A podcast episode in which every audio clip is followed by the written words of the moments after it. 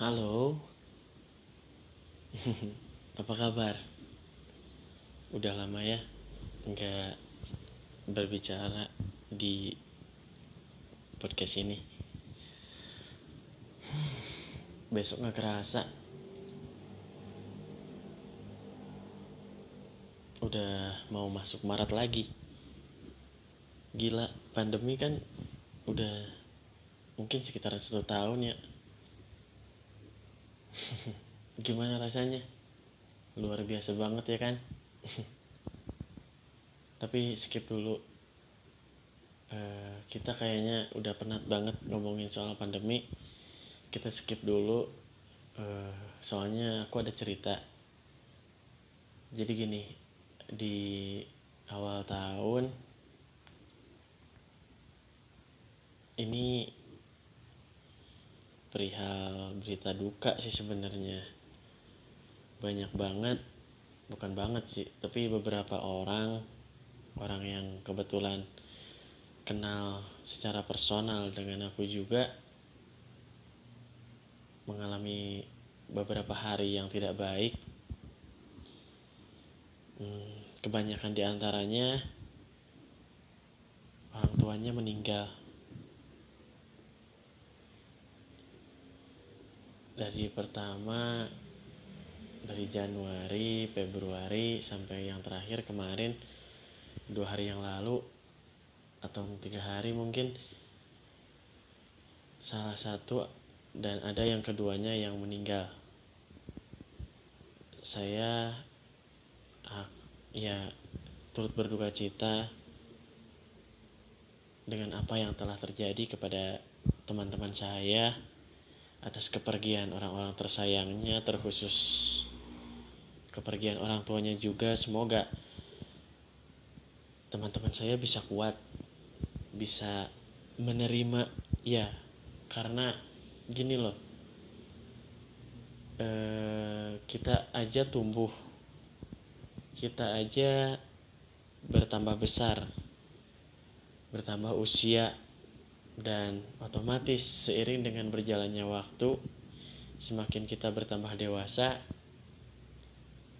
kita juga akan dihadapkan kepada orang-orang yang lebih dulu tinggal bersama kita untuk menjadi lebih tua. Jadi wajar ataupun bukan wajar ya. Jadi bukan hal yang tidak mungkin kalau orang-orang tersayang kita, terutama orang-orang tua kita, pergi lebih dulu dari kita. Cukup rasional apabila kita melihatnya dari sudut pandang bahwa setiap yang hidup pasti tumbuh dan setiap yang hidup dan berkembang maupun tumbuh pasti akan menemui ajalnya. Terlepas dari itu semua, yang saya lihat, yang saya amati dan saya temui bahwasanya di usia sekarang melihat atau mengalami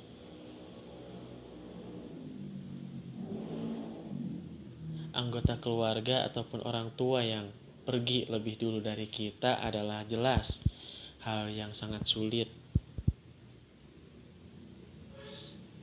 Tentu saja masing-masing dari kita tetap berharap bahwa kalau bisa hidup itu selamanya. Kalau bisa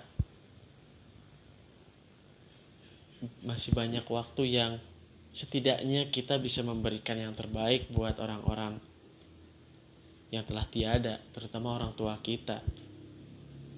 Tapi ingat bahwa hidup bukanlah tentang apa yang kita inginkan. Perihal usia orang tua yang sampai detik tersebut sudah sepantasnya ataupun sudah selayaknya bahwa kita dituntut berbesar hati untuk menerima dan mengikhlaskannya.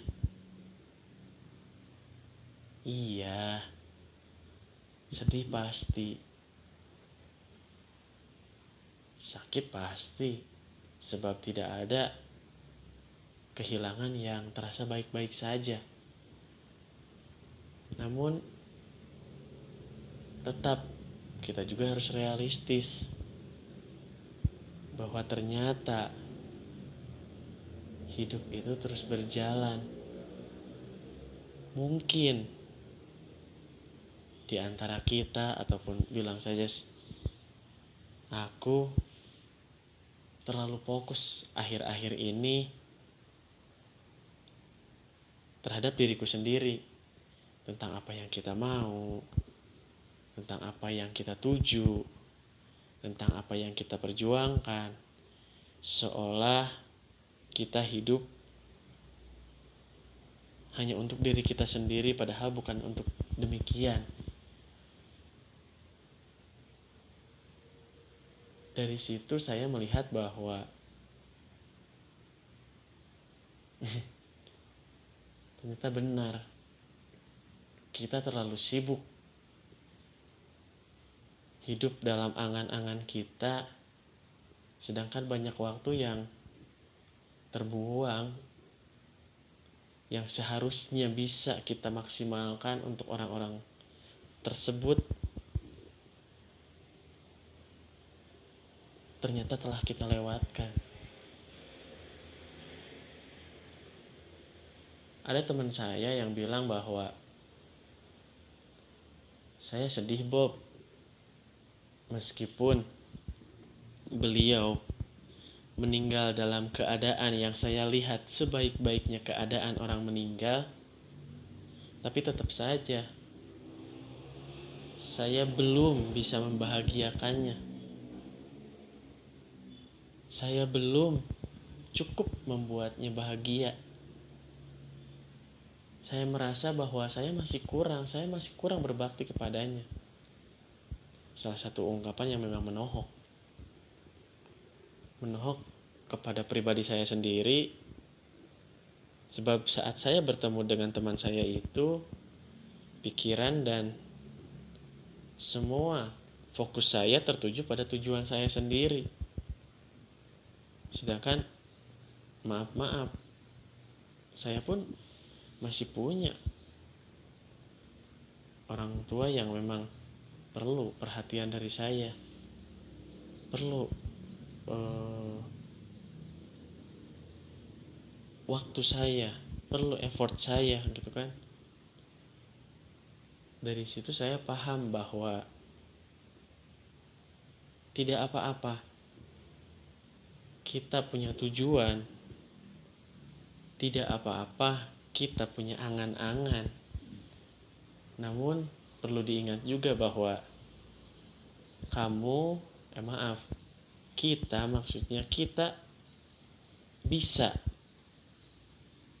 menggenggam banyak hal dalam satu sisi namun di sisi lain kita juga harus siap untuk melepaskan hal-hal yang telah ada karena nyatanya yang kita hadapi ternyata cuma lewat doang dulu saya pikir ibu saya akan bertahan cukup lama. Maksudnya, ibu saya akan selalu ada.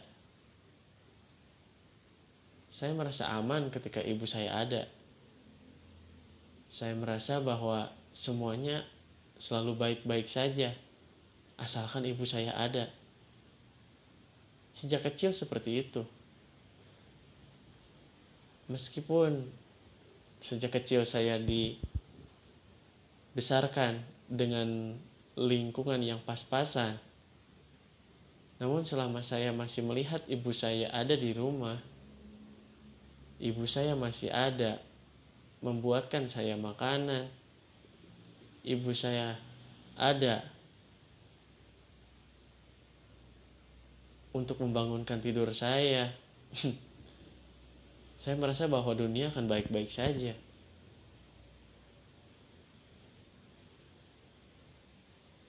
Mungkin bagi teman-teman juga seperti itu. Maksud saya ketika kita melihat bahwa menyadari ada orang yang menyayangi kita dengan tulus, ada orang yang menyayangi kita dengan totalitas, ada orang yang menyayangi kita tanpa pamrih, maka itu sudah cukup sudah cukup sebagai booster kita sebagai bahan bakar kita untuk berjuang dan tumbuh dalam hidup ini ya misalnya kalau di posisi saya memang ibu saya misalnya jadi sosok seperti itu. Dan mungkin di teman-teman ada ada sosoknya yang dari seorang ayah ada dari sama juga seorang ibu ataupun dari seorang kakak gitu kan. Terlepas dari siapa pun itu sosoknya apabila sosok tersebut masih ada tentu hidup akan terasa lebih baik-baik saja. Meskipun yang kita hadapi cukup berat namun setelah beberapa hal kehilangan yang saya temui, ternyata sekuat apa pun kita genggam, hal-hal yang harus pergi tetap akan pergi. Dan sesantai apa pun kita menjalani hari, hal-hal yang akan datang pasti akan datang pada waktunya. Iya, kadang saya berpikir eh, besok gimana ya? Atau nanti gimana ya? Padahal yang kita miliki cuman hari ini. Hari ini kita milikin siapa?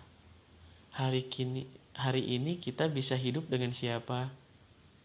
Hari ini kita bisa menikmati momen dengan siapa dan itu sayang banget kalau terlewatkan begitu saja.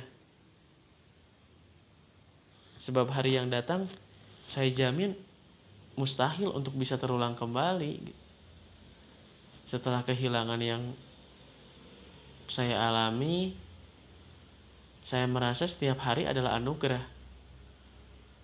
Meskipun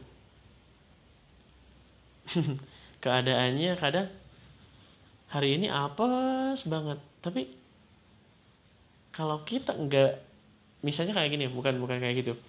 Kayak gini nih misalnya suatu hari kita apes banget.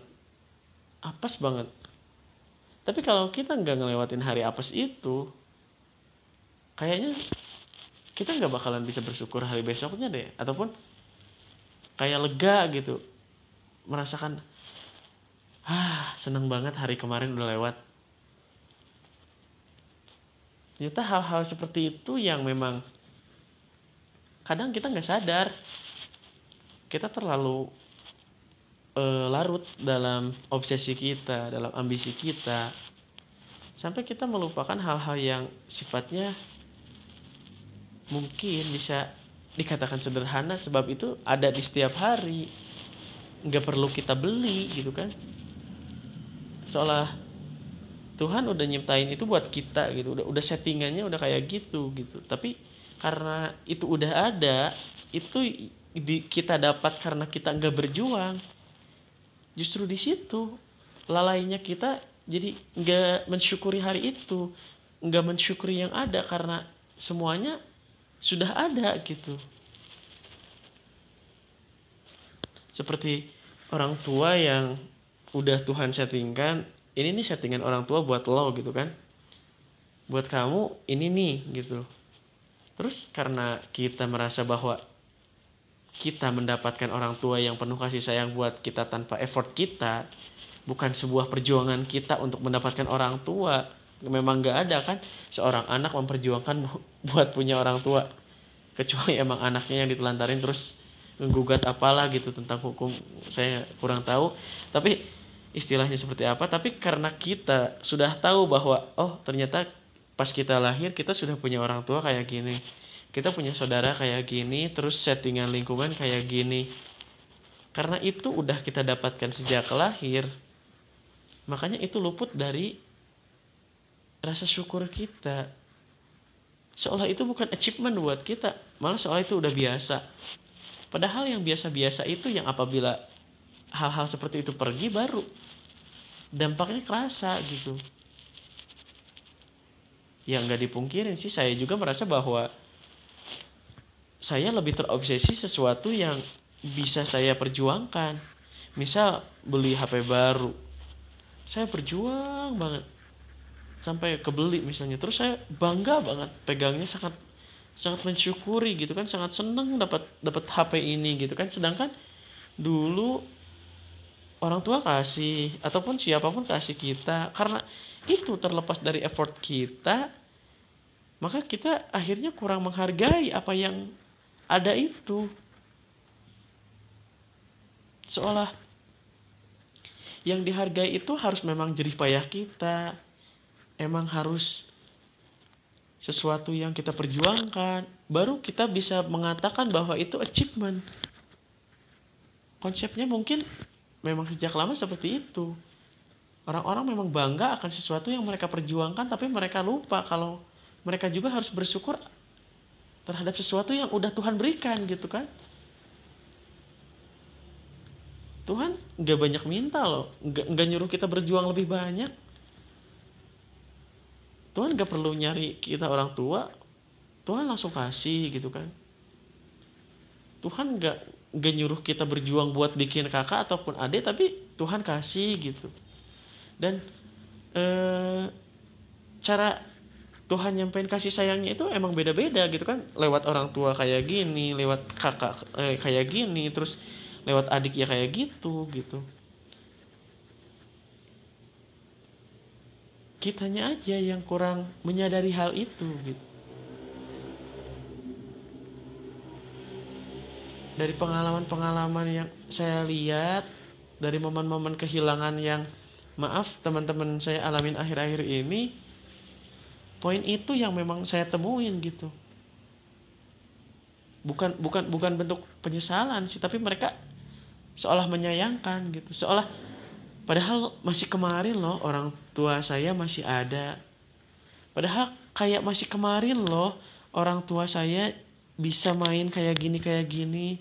Bahkan seolah kemarin loh orang tua masih makan semeja bareng saya dan sekarang dia udah nggak ada gitu kan.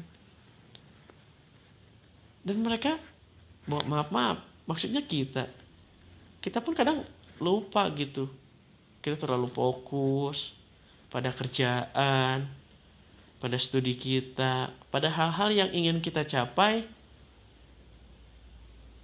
bahkan sampai lupa gitu. Karena maaf maaf. Kita prioritas kita malah condong ke diri kita sendiri gitu kan. Ketimbang dengan mereka gitu. Padahal semakin besar usia kita semakin tumbuh dewasa kita maka orang tua kita juga perlu perhatian lebih dari kita. Sampai detik ini itu yang masih saya sayangkan gitu kan terhadap diri saya juga. Saya merasa bahwa akhir-akhir ini saya kurang peduli terhadap orang tua saya gitu kan. Energi saya terkuras kepada apa yang ingin saya tuju. Saya menyadari bahwa semakin dewasa ternyata posisi seperti ini adalah posisi yang sangat melelahkan gitu. Di sisi lain saya ingin menjadi sosok yang bisa berdampak untuk keluarga saya. Di sisi lain saya mau uh, mencapai merealisasikan apa yang ingin saya wujudkan gitu. Ini dilematis sih. Maksudnya dengan posisi saya yang seperti ini mewujudkan dua hal sekaligus itu memang bukan tidak mungkin tapi perlu perjuangan lebih banyak gitu kan. Terus menyusun skala prioritas juga yang mana gitu kan. Pada akhirnya seperti kesimpulan yang saya tadi bilang bahwa tidak bisa kita menggenggam semua hal tanpa melepaskan hal yang lain. Genggaman kita itu memang terbatas. Tuhan memberi kita keterbatasan itu untuk apa? Untuk mensyukuri. Untuk mensyukuri apa yang ada. Sepertinya itu yang ingin Tuhan bilang sama saya kemarin. Mensyukuri apa yang ada. Jadi ketika hari ini misal baik kita anggap saja yang sudah pergi biarlah pergi dan berlalu gitu kan kita fokus aja pada hari ini yang datang sosok yang emang datang ke kita atau hal-hal yang datang kepada kita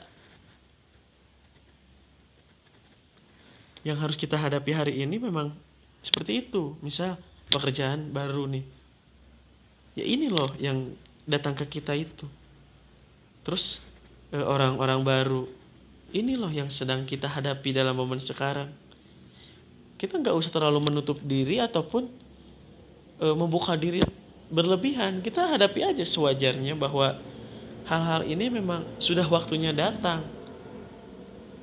Dan kita lihat aja sampai mana ataupun sampai seperti apa ke depannya.